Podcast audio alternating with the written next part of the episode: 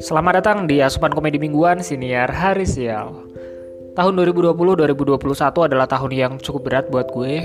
Mulai dari pengalaman kekalahan berturut-turut, masalah keluarga, krisis tujuan hidup, dan masih banyak lagi lainnya. Suatu hari gue denger teman gue ngomongin tentang positive manifestation, yaitu teori yang menyatakan bahwa kalau lo bayangin apa yang lo mau, maka lo bakal dapetin hal tersebut. Sebagai orang yang skeptis dan sinis, gue kesel banget denger dia ngomong gitu karena pengalaman gue 2 tahun ke belakang justru membuktikan hal yang sebaliknya. Hal ini menarik ingatan gue saat kelas 6 SD sampai dengan 1 SMP di mana gue masih jadi bocah yang pure dan totally positif. Gue gak kenal iri, gak kenal dengki, masih naif mikirin bahwa kehidupan akan dipenuhi dengan kesenangan, Sampai pada suatu waktu ketika gue mengalami peristiwa di mana orang tua gue cerai dan teman-teman yang gue pikir sahabat untuk selamanya satu persatu mulai ninggalin gue. Peristiwa-peristiwa di dua periode tersebut bikin gue mikir, apa jangan-jangan hidup gue dikutuk kesialan ya? Terus kalau misalnya takdir gue emang buat dapetin kesialan-kesialan mah, ngapain gue usaha keras? Ngapain gue berdoa? Ngapain gue belajar ini itu? Walau sempat skeptis dan sini sampai pada tingkat terendah yaitu negativisme, Jujur aja gue sebenarnya agak takut ya kalau misalnya jangan-jangan kalau gue mikir negatif terus, justru malah bikin kejadian juga. Jangan-jangan kata temen gue yang harus positive manifestation itu bener lagi.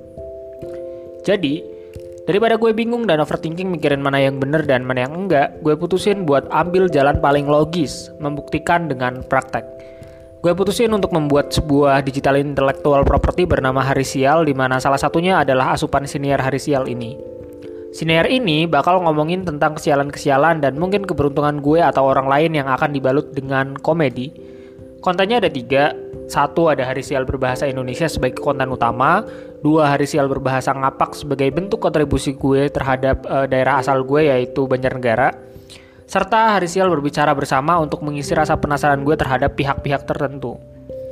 Segmen di hari sial berbahasa Indonesia ini akan gue bagi tiga yang bisa muncul semua atau sebagian di setiap episodenya.